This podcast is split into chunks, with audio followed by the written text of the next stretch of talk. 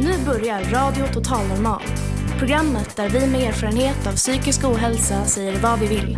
Här är alla röster lika värda.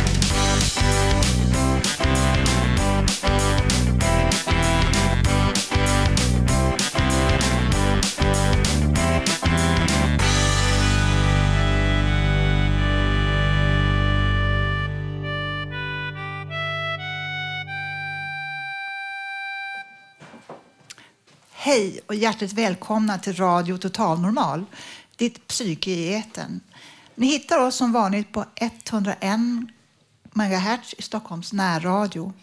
Vi sänder live från Fountain House på Götgatan 38. I dagens program har vi pass passande nog hösttema. Vi tycker att det trots det milda vädret är dags att erkänna och välkomna att hösten faktiskt är här. Dagen till ära har vi skådespelerskan Cecilia Severman på besök. Aktuell med tv-serien Drottningarna som kommer i TV4 i höst med egenskriven pjäs och en egenskriven pjäs om Gustav Vasas dotter. Musiklistan är anpassad efter hösten och våra flygande reportrar Eva och Frida har varit ute på stan och frågat människor hur hösten påverkat dem, påverkar dem.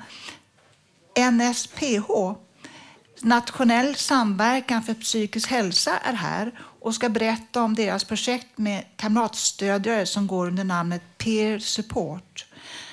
Eh, vi talar även om spelmissbruk och mycket annat. Och så blir det som vanligt sång, musik och poesi. Så varmt välkomna till dagens program. Jag som är dagens programledare heter Ulla-Britt och jag har höst-t-shirten på mig.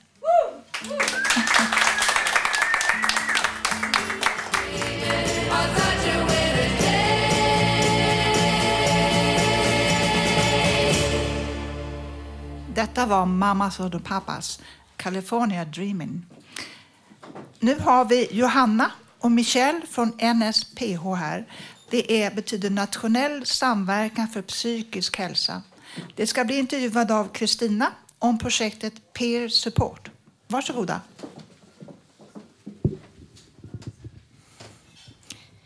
Hej. Jag börjar med ett par frågor till Johanna. Ni kommer från NSPH. Vad är NSPH? Hej! Jättekul att få vara här. Eh, ja, NSPH står ju som sagt för Nationell samverkan för psykisk hälsa och är en paraplyorganisation eh, som har flera medlemsföreningar knutna till sig inom brukarorganisationen. Så vi lägger stor vikt vid att dela kunskap mellan de här organisationerna. Så vi från NSP och Stockholms län, som jag och Michelle kommer ifrån, vi ingår också då i ett större riksnätverk där NSPO finns representerade över flera delar i landet. Så i och med att vi jobbar nära brukarrörelsen så var det också naturligt att projektet Peer Support skulle drivas inom den här organisationen eftersom Peer Support bygger på ett aktivt brukarinflytande. Så lite så hänger vi ihop.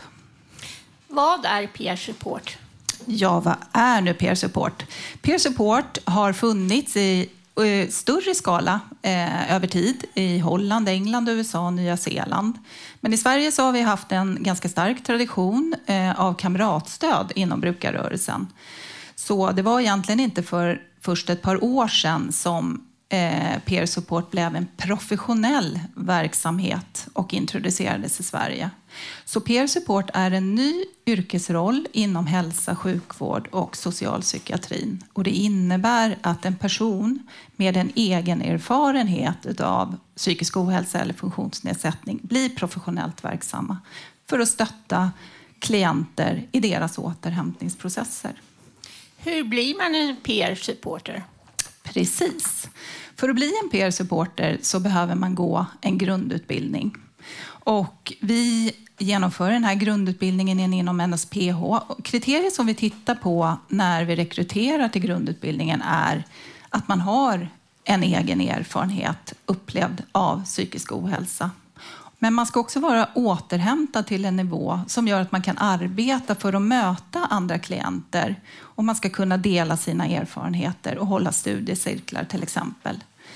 Vi tittar på att det är meriterande också om man har jobbat inom psykiatrin på något sätt. Grundutbildningen är fem veckor i tid och man har då också handledning eh, när man är ute och jobbar som peer-supporter. Vi planerar en grundutbildning nu nästa år under februari-mars. Så är man intresserad så är det väl tipset att kika på vår hemsida eh, där man också kan fylla i ett formulär om man är intresserad. Vad är syftet och vilka kan, vilka kan få hjälp av det? Ja, precis. Eh, syftet är ju då att om man har som peer supporter en egen erfarenhet, man har gått igenom vissa erfarenheter och återhämtningsprocesser så blir man ett stöd för de klienterna som man träffar ute i verksamheterna. Och i och med att man inte jobbar i verksamheterna utifrån någonting annat än den här rollen så blir det också som en väldigt naturlig del att man kan skapa förtroliga samtal.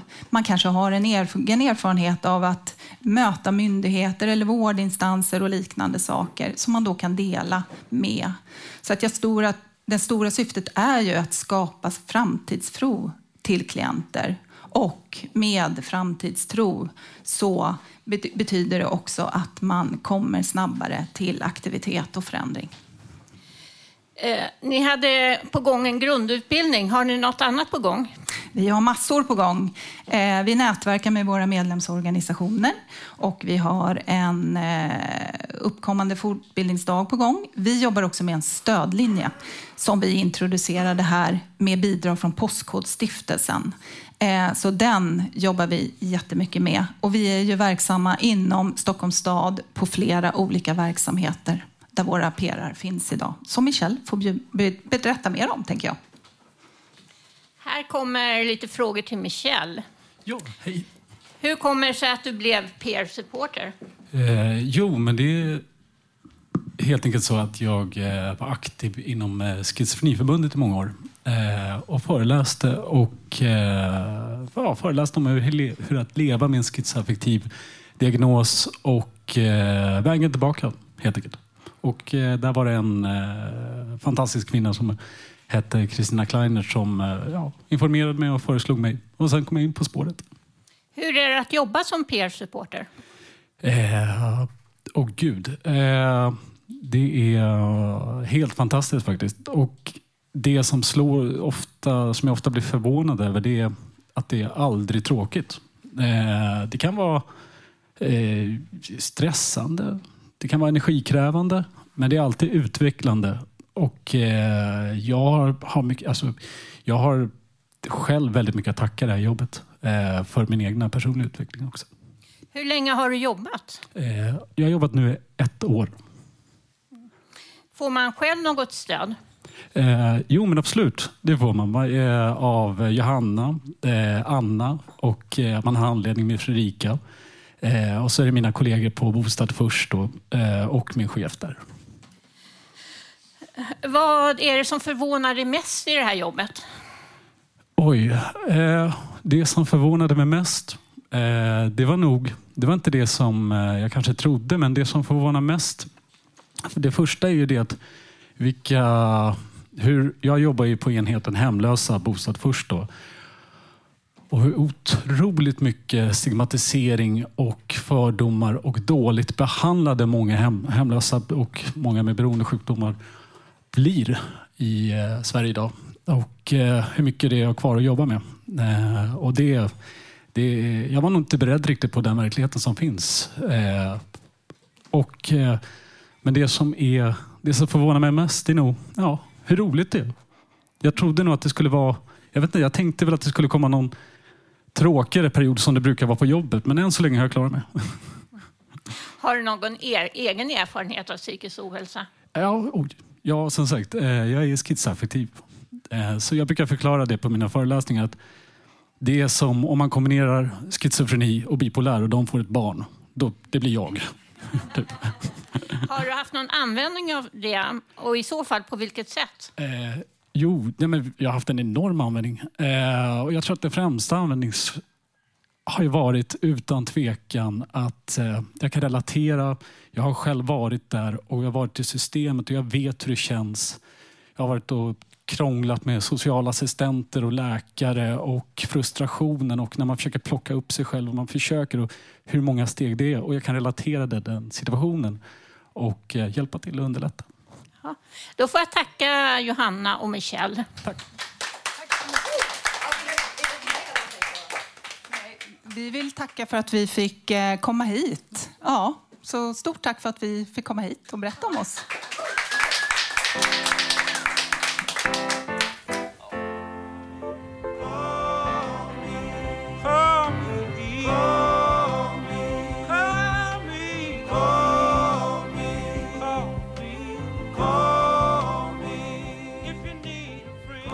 Där var Bill Withers, Lean on me, heter den. Dagens tema är som sagt hösten, så nu ska vi höra vad folk på stan tycker om hösten. Vår flygande reporter Frida ställer frågor. Hur påverkar hösten dig och ditt mående? Alltså det blir typ jobbigare att göra saker. Man vill ju hellre bara typ ligga i sängen. Mörkret är alltid negativt. Men just idag skiner ju solen när ni frågar mig. Ja, annars så tycker jag det. Man blir tröttare, orkar mindre. Oavsett, jag är snart 70 år. Det spelar ingen roll hur gammal man är så blir man trött när mörkret kommer. Och jag tror att det är så för alla. Jag har bott i Norrbotten ett tag och där var alla trötta hela vintern. De pratar knappt. Så, att, så är det. Ja, sällskapslivet blir lite lidande för man kan inte vara utomhus. Men mår dåligt gör väl ingen av oss. Ja, inte så mycket. Kanske har lite sjuk så här förkylning. Annars är det lugnt. Man blir glad. Som sagt, sällskapslivet påverkas. Sen kommer man inte kunna cykla så länge längre heller, tyvärr. Man har en tjusig elcykel. Ja, jag gillar så här utomhusaktiviteter. Så när det är blött och tråkigt blir det lite soft. Så, men det är ju skönt att vara inne också och kolla på film. Eh, ganska mycket faktiskt. Jag blir lite deppig av hösten. Tycker inte riktigt om den. Även om solen skiner idag. Jag vet inte. Jag, jag gillar inte hösten så mycket.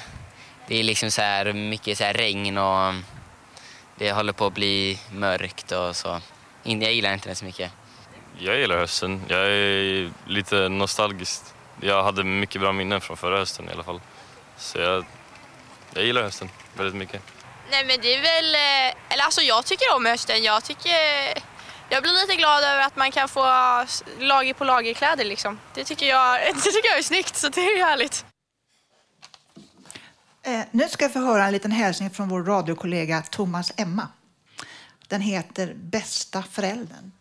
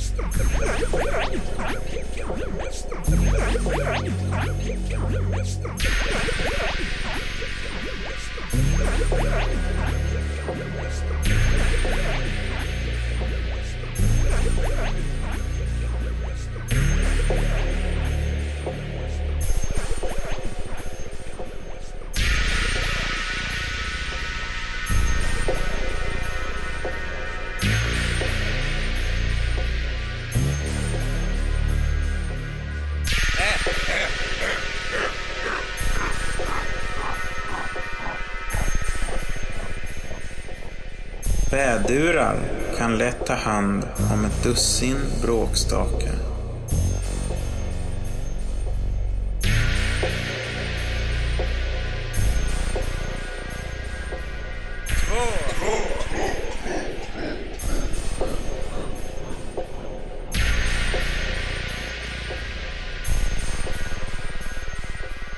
Oxar är förstående, lugna och försvarar sina kravater.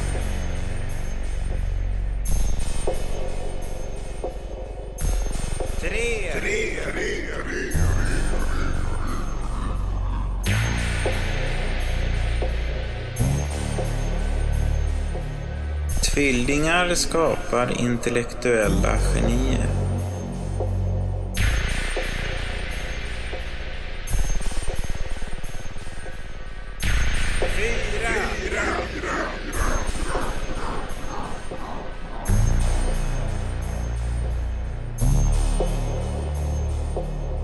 Kräftor försvarar sina avkommor till den sista droppen.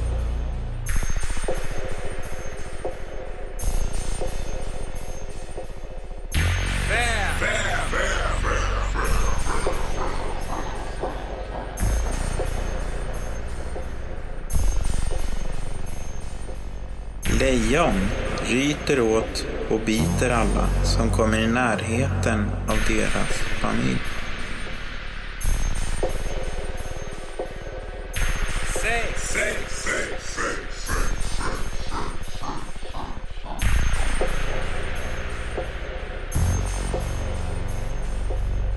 Jungfrur skapar hårt arbetande och atletiska gunstlingar.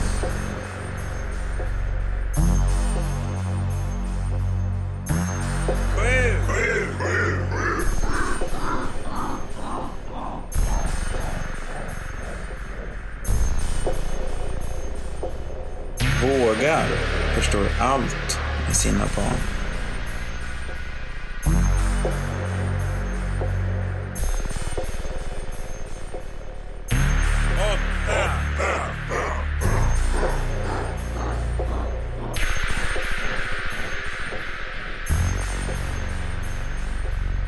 Skorpioner kan klara av barnuppfostran utan att ens öppna munnen.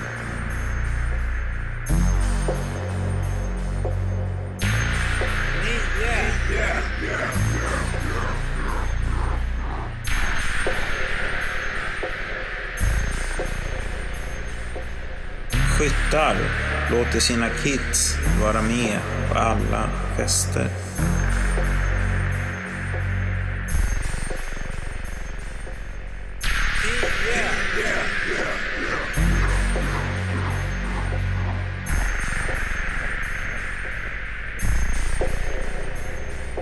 Stenbockar har massa husdjur som tar hand om småttingarna under hela deras uppväxt.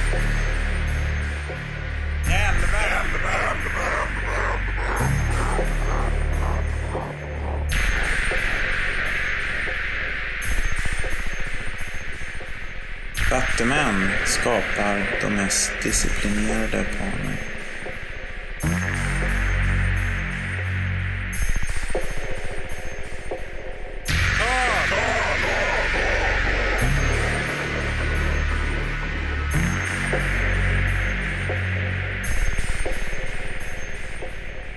Fisken är den fridfullaste och vidsyntaste vårdnadshavaren.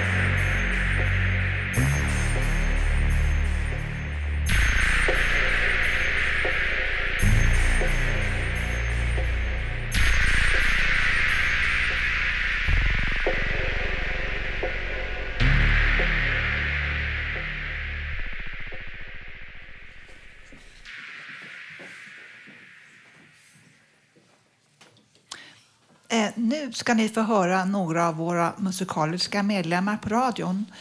Det är eh, Lilian som sjunger och Ludde på piano. De ska sjunga och spela Autumn Leaves.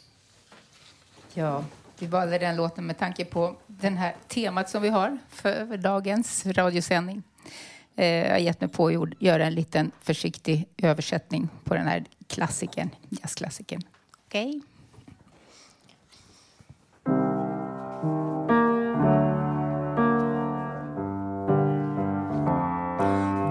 Fallen leaves drifts by my window. The autumn leaves of red and gold. I see your lips, your summer kisses, your sunburned hands. I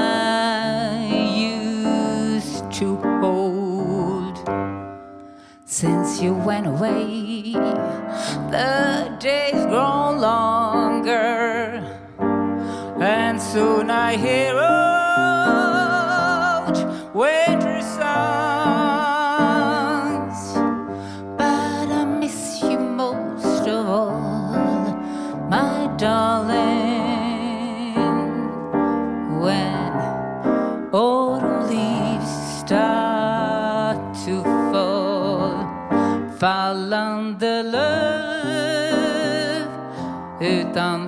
mitt fönster. Höstens löv i rött och guld. Dina läppar i sommarkyssar. Solbrända händer jag smektes av. Sen du lämnat mig. Dagarna grånat och snart jag hör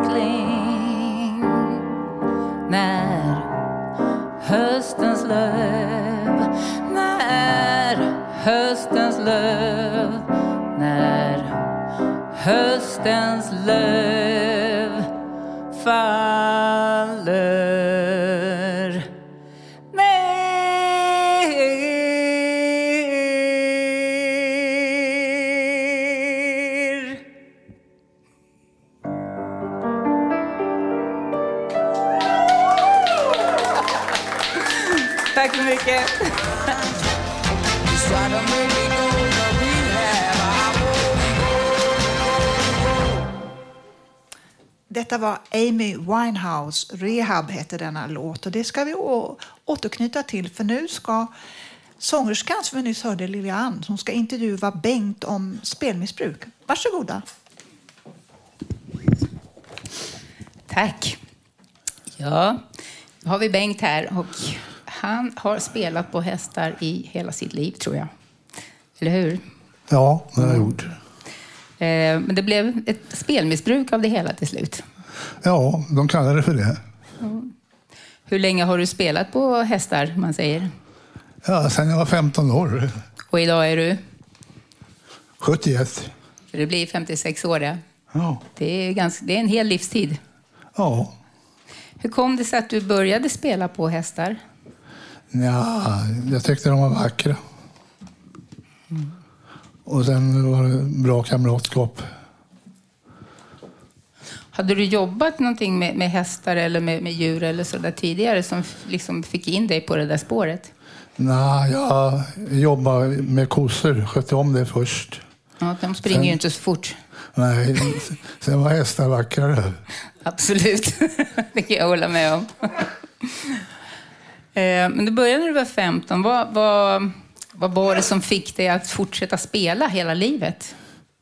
Nej, jag har alltid tyckt om att spela. Även, även kort och allting sånt där, poker och, och det.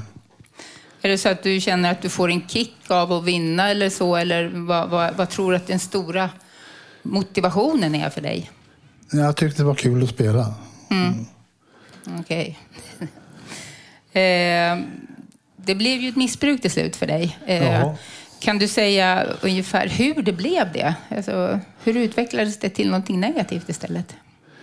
Ja, det, det är bara att det spelar och håller håller igång. Eh, har du någon aning om hur mycket pengar du kan ha spelat bort under ditt liv? Alldeles för mycket pengar. Mm, det kan jag tro. Du, Mitt arv spelar jag bort. Jaha, du fick ett arv efter dina föräldrar, eller? Ja, mamma. Ja. Och hur stort var det arvet då? Ja, 800 000. Du, det var en hel klabbe. Ja. Och då spelade du bort alla de pengarna? Ja. Hur lång tid tog det? Vad sa? Hur lång tid tog det? Jag tog ett och ett halvt år. Rackarns. Ja. Hur känner du för det? Ja, gjort är gjort. Jag kan tycka inte synd om mig själv för det. jag hade inte så bra kamrater runt omkring mig då heller. Så det, Man ringde och sen hörde man hur mycket pengar som fanns och då levde man glada livet liksom. Så länge pengarna räckte? Ja. Vad tog vännerna till vägen sen då? Ja, det... Ja, det var det som pratade med mig. Sen det, var iskallt, om man säger så. Man är alltid en kompis om man har pengar och bjuder. Det brukar vara så. Sen försvinner vännerna när pengarna tar slut. Ja. Vad fick ditt spelmissbruk för, för konsekvenser för dig? Nej, det är vad man spelar på. Det är det enda jag har gjort. Liksom. Det, jag har gått Hovslagaskolan och, och gjort högvakt. Mm. Mm. Så du har gjort lite annat än att bara spela på hästar? Ja, faktiskt. Men det har fått konsekvenser ändå, eller, eller hur? Du, du spelade ju bort 800 000 och, och vad, vilka andra konsekvenser har det fått att du liksom har förlorat pengar? Ja, det är, jag har ingen bostad till exempel. Jag är bostadslös. Titta. Jag bor på Skarpnäcksgården. Och det är inget kul att bo där. Nej, det är ingen egen bostad utan det, Nej, det är ett... det är bara ett rum Ja, som man betalar 5 000 för. ja. Och sen får man, visserligen får man mat där, men det, vad är det? Det är ett hem man vill ha. Mm. Och du har väl inte alltid haft ett hem ens heller? Nej, Inte ens ett, ett rum att, att gå till? nej jag har varit bostadslös efter att pengarna tog slut. Mm. Då resonerar de att du har haft pengar, du får ingen hjälp, ingenting. De dissade dig liksom för att du hade haft ett arv som du hade spelat bort? Ja. Då stod du där hjälplös, utan jobb, utan hem, Nej, utan jobb, vänner. Jobb hade jag. Jag jobbade på Televerket. Okej, så du behöll ditt jobb hela tiden? Ja, jag har jobbat i Televerket i 12 år Okej. som kabelskarvare. Jaha. Och när slutade du med det? Hur gammal var du då? Jag slutade väl 74 slutade jag. Okej, för det är några år sedan i alla fall. Ja. ja. Och du blev ju inte pensionärs... Eller pension, du fick inte åldern inne för pension förrän Nej. sex år sedan. Så det gick några år däremellan. Jag gick i pension i förtid på Televerket. De pröjsade mig. Vad var de pröjsade? 200 000. Oj, ja. Och vad jag- tog de vägen då? Ja, Ursäkta, det var ironiskt. Det var, jag ber om ursäkt, det var inte så snällt. Jag, jag gick händelserna i förväg, men, men du kan ju berätta själv vad som hände. när man fäste upp dem. Mhm. Har du, du säger att du inte har ångrat dig, men har du någonsin försökt att, att, att sluta på allvar? Nej, det har jag inte gjort. Man, eh, man har ju de- de pengar man har och det är inte mycket. Nej, Hur mycket har du att leva på idag till exempel? När, när 500 kronor varje månad. Eller varje måndag får jag 500 spänn. Det blir inte mycket festande på. Nej. Nej. Sen eh, går Kronkalle in och drar massa pengar av mig också. Jag har blivit, haft otur och blivit sån där målvakt. Så jag stod, stod för en massa bilar som jag inte hade. Som jag hade en kompis som skrev över. Sen skrev han förfalska mitt namn och, och det. Det är otrevligt. Ja, det förstår jag. Så att du har dubbla, dubbla problem där. Ja. man man ser han till och med på Solvalla. Han hade till och med lurat Jan Olin på pengar. Och han skulle du råka ut för? Ja, Rackarns illa. tyvärr. Hur, le, hur lever du idag nu då, om man säger? Jag har ett rum. Mm. Sen pröjsar jag 5 000 i hyra. Och hur ser dagarna ut? Får du dem att gå? Är det fortfarande spelande som gäller? Nej, man följer med spelandet och ser vilka som vinner. Och sen, man har ju de kamrater man har. Men spelar du fortfarande? Nej, jag har ingenting att spela för. Aha. Men hade du det så skulle du fortsätta? Ja, man kollar ju liksom hästar och, så här, och form och allting sånt där. Mm. Spelandet mycket- har varit ditt liv om jag har förstått dig rätt. Ja, tyvärr. Tyvärr. Mm. Ja, jag tycker det är starkt och modigt av dig att komma hit och berätta om det. Och, och verkligen jättefint. Tack snälla du för att du gjorde det.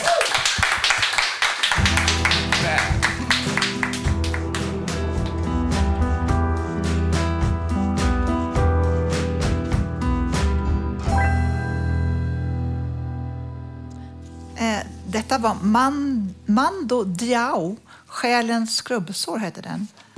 Och nu ska ni få höra vår andra flygande reporter Eva som frågat folk på stan dels om vad de tycker om hösten och hur pandemin har påverkat dem. Varsågoda. Eh, sämre. Jag saknar sommaren. Så lite, mörkret har påverkat mig, att det blir mörkt så tidigt. Men värmen är ju kvar och den mår jag fortfarande gott av. Ja, jag vet inte, jag gick i pension här precis när coronan började och eh, det var ju lite märkligt för både jobbet och allting tog slut på något sätt. Men eh, mitt mående, jag mår ganska bra för jag är ute mycket, ute i skogen och så. Nej, jag har sett att eh, folket börjar leva normalt som att det inte finns någon pandemi längre. Och det är väldigt oroväckande för Eh, äldre människor, eh, speciellt de som är i riskzonen. Att de inte kan kunna gå runt och köpa och handla och de måste stå och vänta utanför butiken och hjälpa på, eller, vänta på hjälp. Så det är synd. Pandemin har ju påverkat mitt liv. Jag blev eh, permitterad och sen arbetslös. Men nu har jag börjat jobba igen sedan en månad tillbaka. Så att nu ser det lite ljusare ut tycker jag. Ja men vad skönt, underbart. Hur har du tagit tillvara på den här tiden?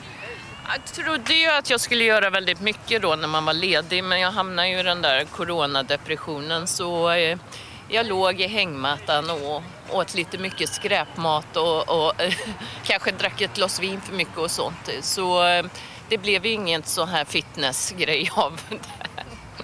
Men eh, annars, det har varit skönt att vara ledig mitt i livet faktiskt. Får väl lite vila. Jag har en svår osteoporos i ryggrad så jag har ju 71 timmar i månaden hemtjänst.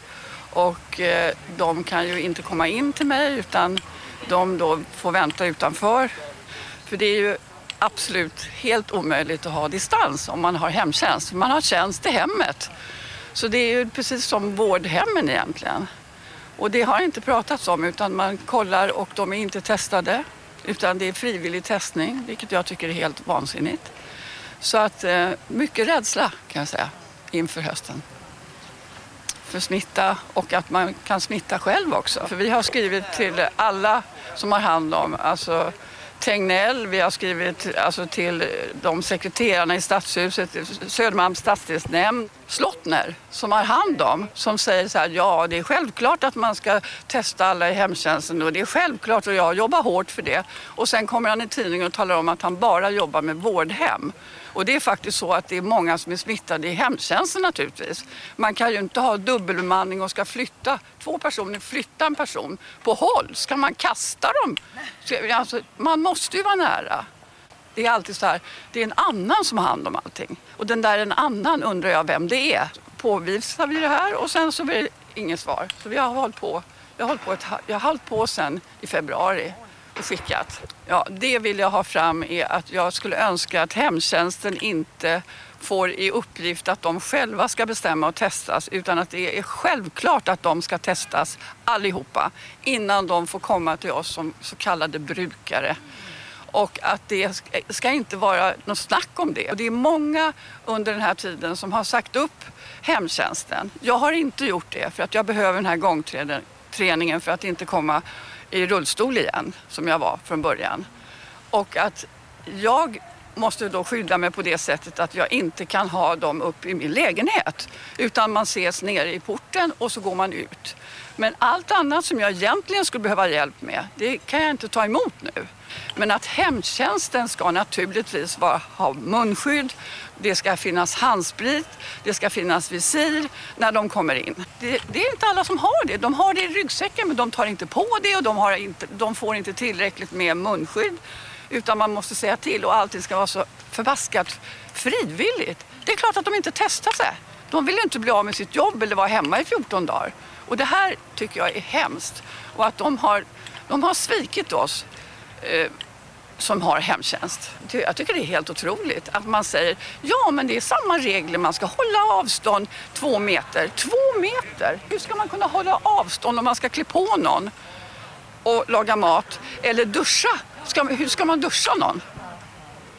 Därför så kan jag inte ta emot det utan jag har avståndet ute. Men alltså det är klart att det har blivit mycket jobbigare för mig. Okej, då har vi kommit ännu en av våra musikaliska medarbetare. Ännu en. Hillevi ska framföra eh, gånglåt från Mockfjärd. Varsågod.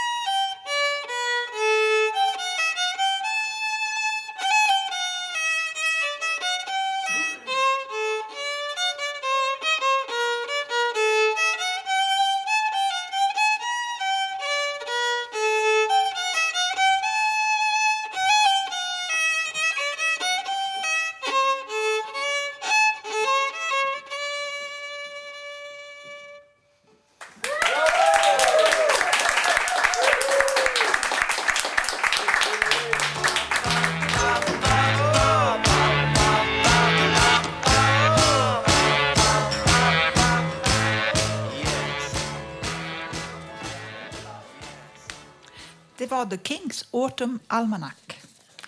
Och nu står jag här med skådespelerskan Cecilia Severman. Välkommen! Tack så mycket.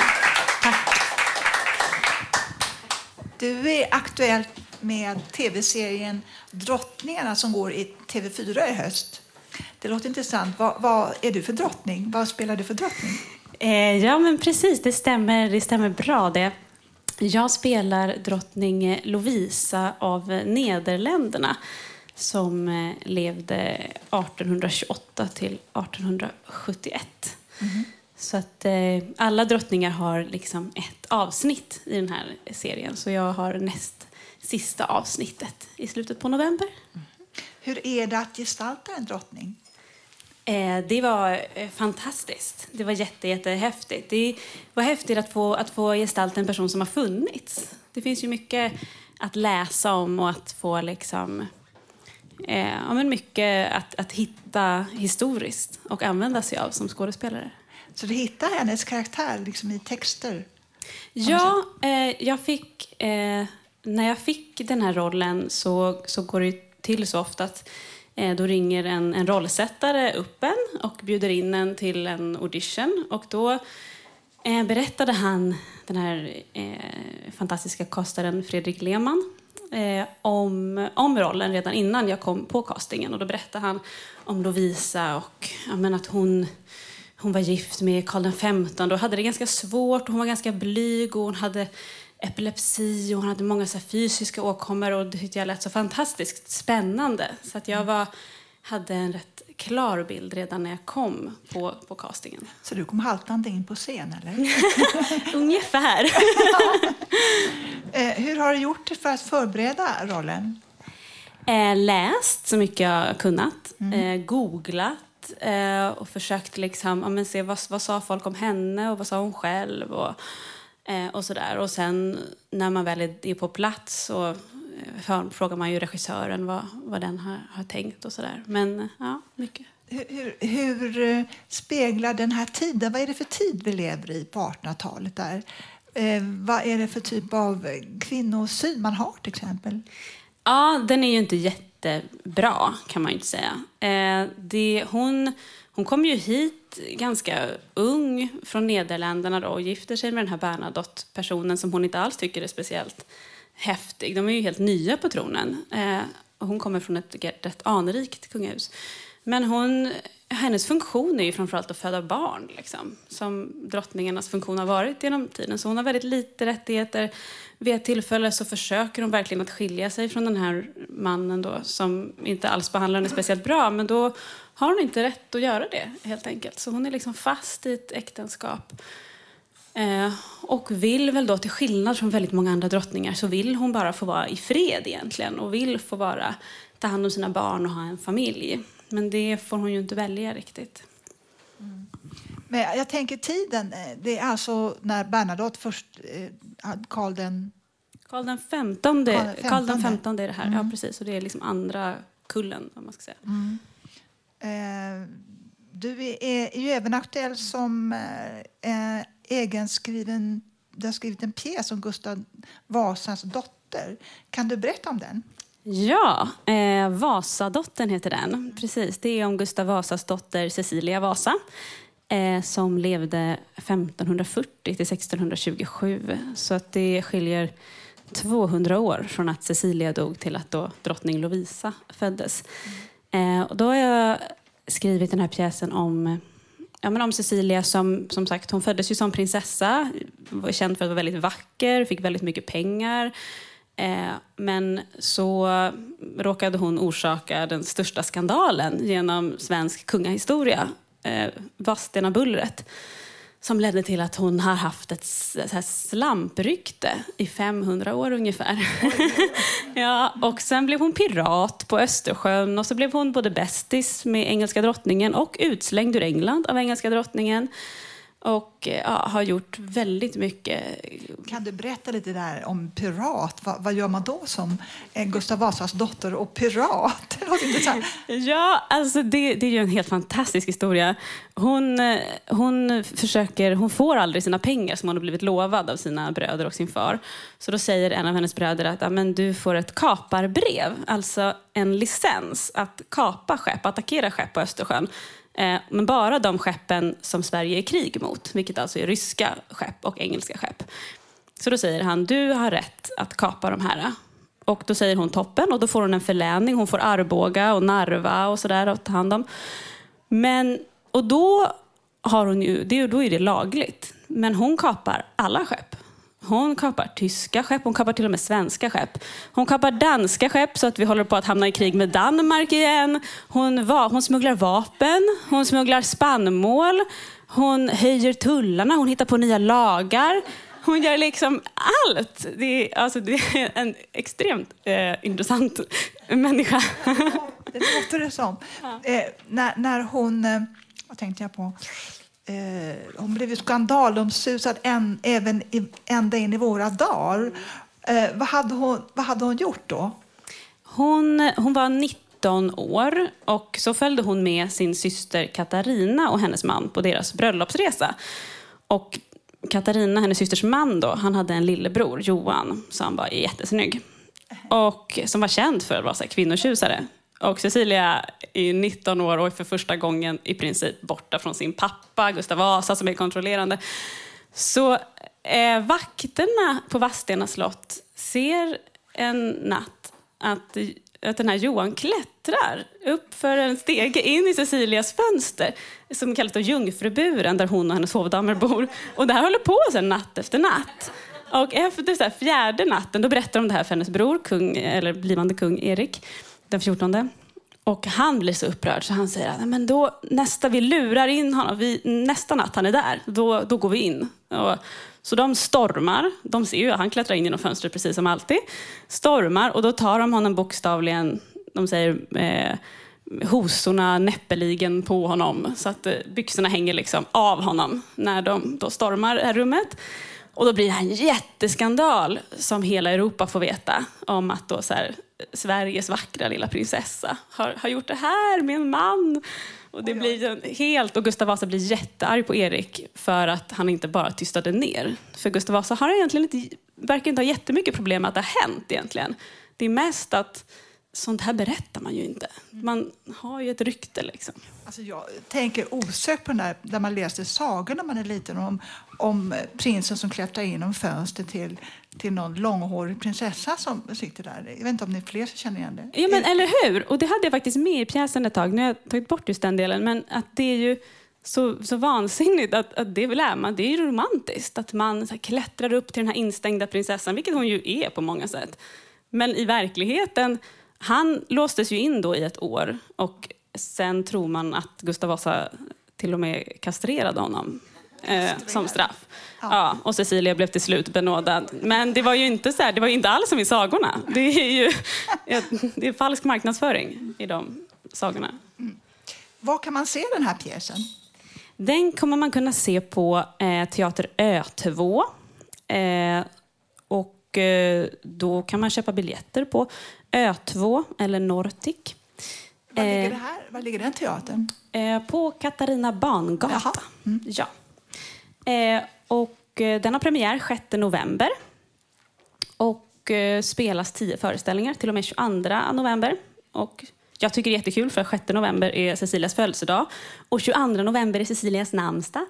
Så att jag tycker att det är jättebra datum. Och du heter ju Cecilia. Eller hur? Ja, men det är inte bara därför jag vill berätta om henne, men det är en stor del. Ja. Ja. Eh, kan man säga, tänka sig att dessa kungligheter levde med någon sorts form av psykisk ohälsa? Det tror jag nog att man kan eh, säga. Eh, eller det, det är ju så otroligt svårt, svårt att veta. Det är också med alla de här kraven. Cecilia blir ju inlåst på slottet efter det här och då förstår man ju om någon får. Och, och Lovisa, då, drottningen först, hon hade ju antingen epilepsi eller psykosomatiska. Hon fick väldigt starka ryckningar, hon började skaka, hon hade sönder hela rum, hon kastade saker. Och hon liksom känd för de här skakningarna. Och då vet man inte om det är epilepsi eller psykosomatiska eh, symptom för att hon blev väldigt illa behandlad av alla runt om henne. Men jag, alltså efter att ha läst om henne känner jag att det känns ju inte konstigt ifall det bara skulle vara psykiskt. Att försöka liksom få stopp på alla elakheter som, som pågår. Eh, nu, nu är alarm, alarm. Om du skulle ge dem någon diagnos, vad tror du de skulle ha, den här Lovisa? Vad tror du hon skulle ha för diagnos?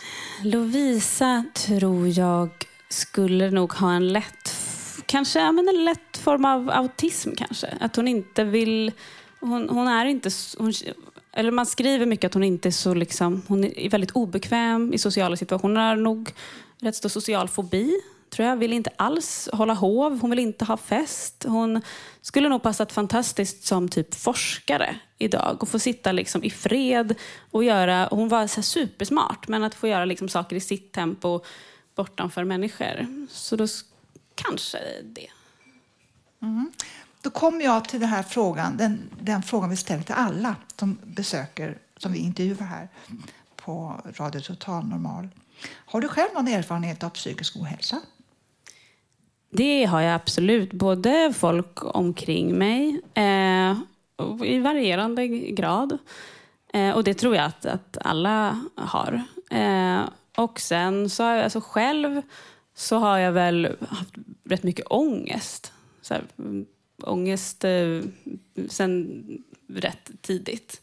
Eh, från att jag liksom var liten. Eh, men har, ju, har fått hjälp av många bra psykologer och, och så. Och jag tycker att det är jätteviktigt som ni gör här att prata om det. För jag tror att det är så otroligt många som skulle må så mycket bättre om man, fick, om man vågade söka hjälp, om man vågade prata om det, om man inte kände att... Eller om man tänker då på både Lovisa och Cecilia Vasa, att de säkert hade sina diagnoser, men de var ju både drottningar och prinsessor och pirater och är ju omnämnda 500 år, så det är ju inget som stoppar någon. Du har även en gycklargrupp. Och har jag fått höra. Kan du kort beskriva vad ni gör? Gycklare, vad gör man nu för tiden som gycklare?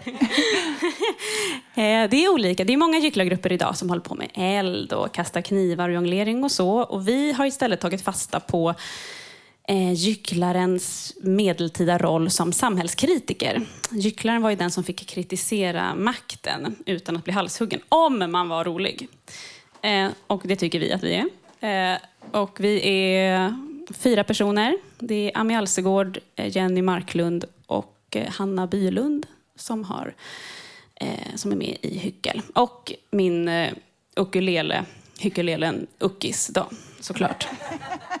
Den är ju viktig. Ja. Mm. Nu har jag en fråga här. Ska, du ska spela en låt för oss och du har ju din, som du brukar spela när du är ute och gycklar. Jag tror Ja. det är dags för den nu. Ja, precis. Jag, eh, Vad blir det för någonting i sådana fall? Eh, jag fick, jag fick eh, önskemål. Jag tycker det är jätte, jättekul. Jag saknar ju lite mina andra eh, gycklare Ja. nu, för vi brukar ju vara fyra som sagt. Eh, men jag frågade faktiskt dem vad de tyckte. Och de tyckte att det skulle passa med en låt som heter Dum i huvudet. Eh, så att den brukar vi säga, den kan man ha som en sån här låt om man tycker att någon är dum i huvudet så är den lite så glad. Och då kan man gå och nynna på den och känna att ah, den är dum i huvudet, jag ska nog inte lägga så mycket tid på den personen. Varsågod. Ja, då ska vi se.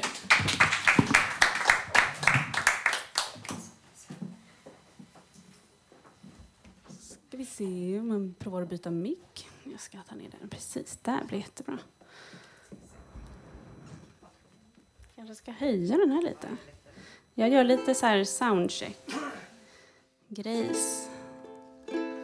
Ni får lite improviserat förspel. Det här är Uckis dag, som jag presenterar nu. Hon heter det. Eh, våran kära. Jag tittar på ljudteknikern. Han nickar. Betyder det?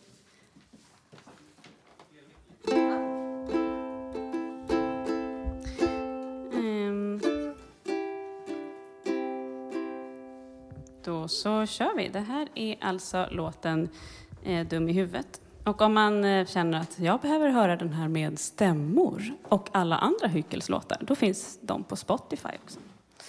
Eller på Instagram eller sådär. Då åker vi. Du är inte min vän och jag är inte din tjej.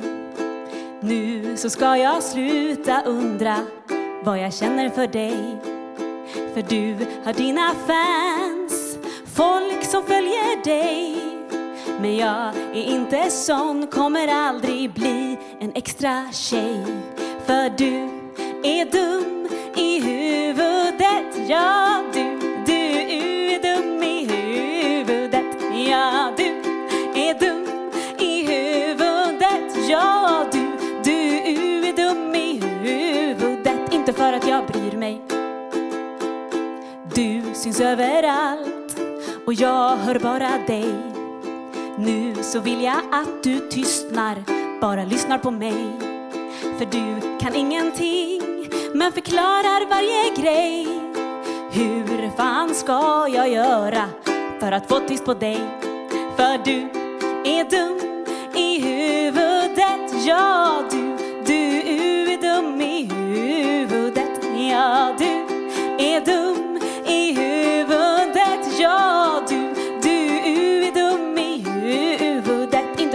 jag bryr mig. Jag har blivit trött på att försöka förstå. Nu så vill jag att du vänder, vill att du ska gå. Jag har inte tid att bo i din dimridå. Det finns ingen plats för dig här, ha det bra, hejdå! För du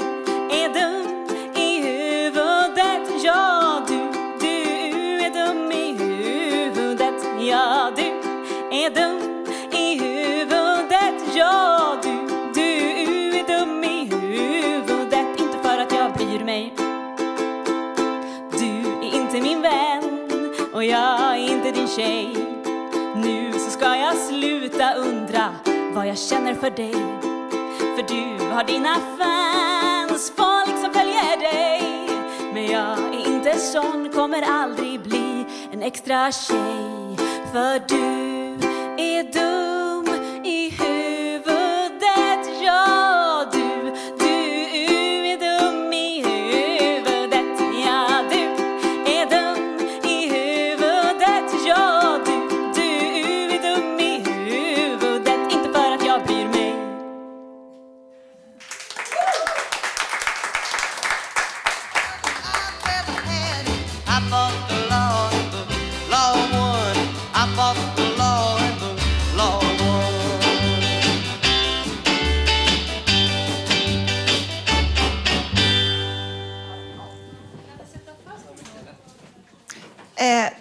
Crickets I fought the law.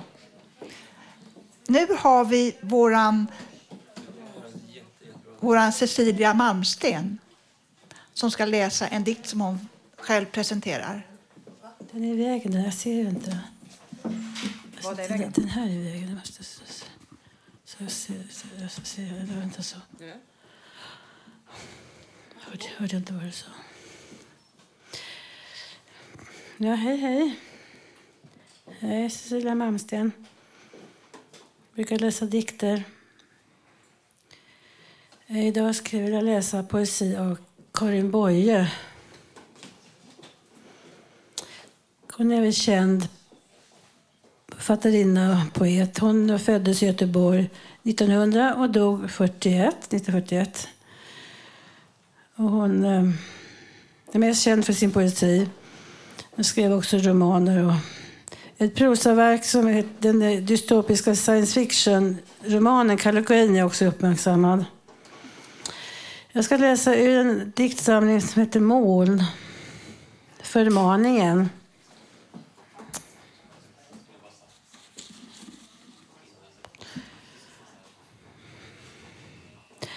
Barn, sade livet till mig en dag. Vad du är ung. En grön liten kart. Jag vill lära dig ungdomens prydnad. Blygsam för, för, blygsam försynthet. Sänkta ögon och lågmäld röst. Gå nu mjukt. Gå på tå över ängarna.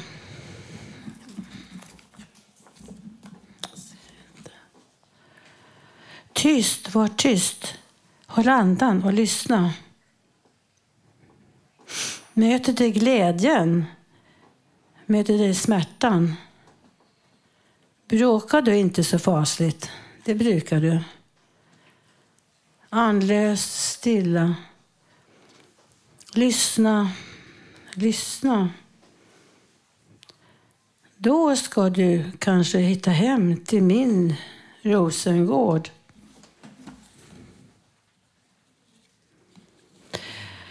Sen en dikt för en annan diktsamling, De sju dödssynderna. Den heter De mörka änglarna.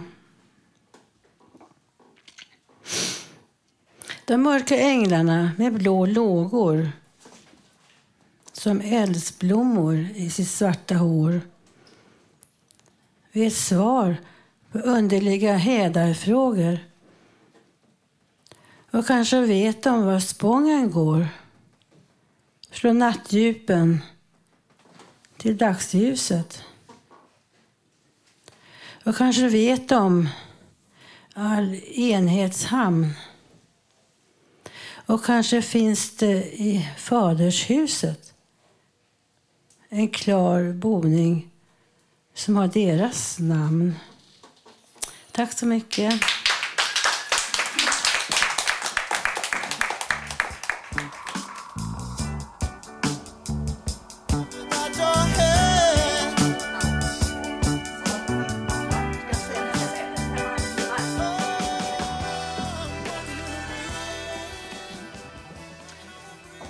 Har vi ännu en av våra musikaliska medlemmar här på radion. Mark, han ska spela eh, en låt av Jimi Hendrix.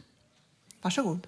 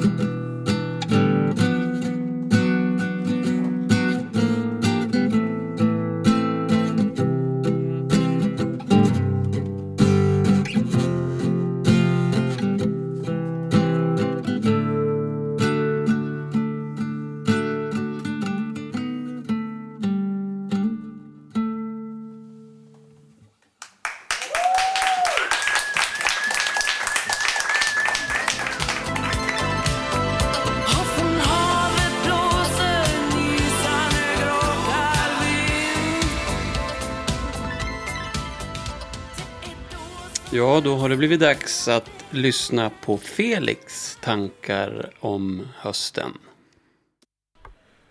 Hösten.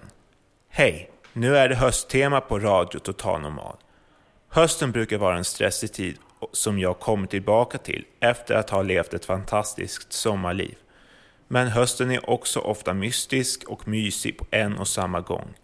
Det är härligt med de mörka dagarna att promenera på och skrämmande med alla monster folk hittar på till halloween. Träden avlösas och blir vackert spöklika och mörkret tjocknar till och blir allt mer påträngande. Jag har planer för denna höst. Både jag och min bästis planerar att klä ut oss och hänga med på halloween-event. I år är det mer tveksamt hur det blir med festande på PGA coronakrisen. Jag älskar att klubba på halloween och dansa hela natten lång och lära känna nya människor. Det är möjligt att vi kommer att klä ut oss till halloween, men det kommer säkert att bli annorlunda med eventen i år.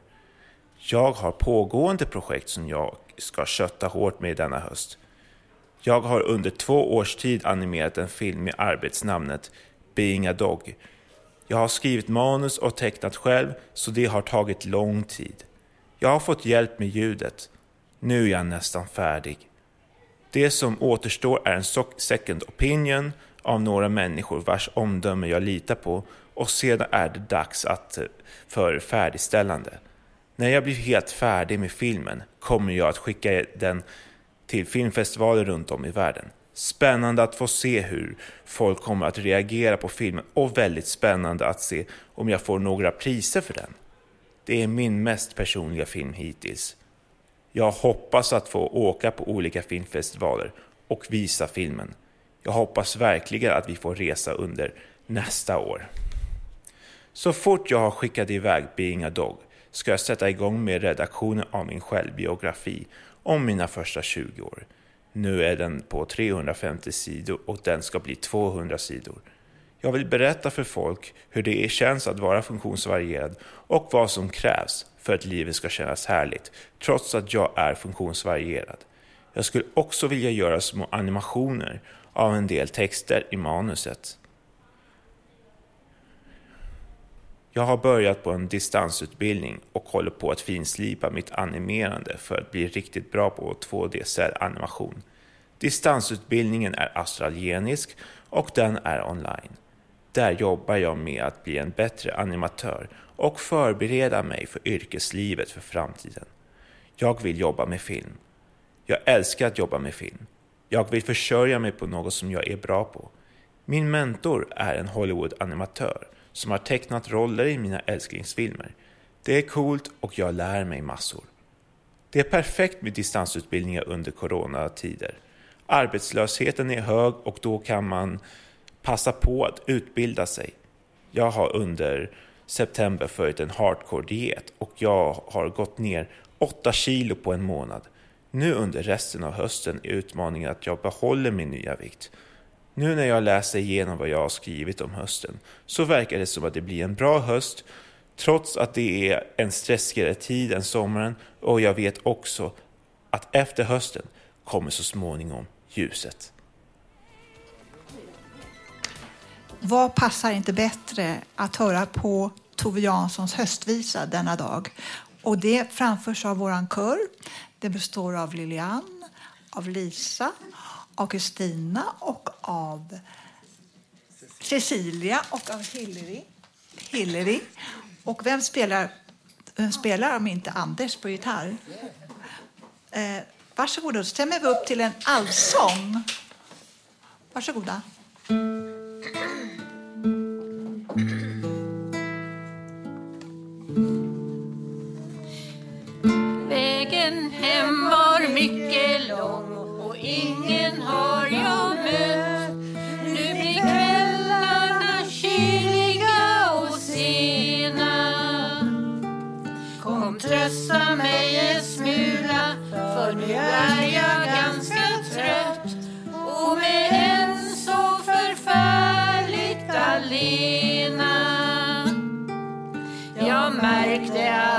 förut att mörkret är så stort.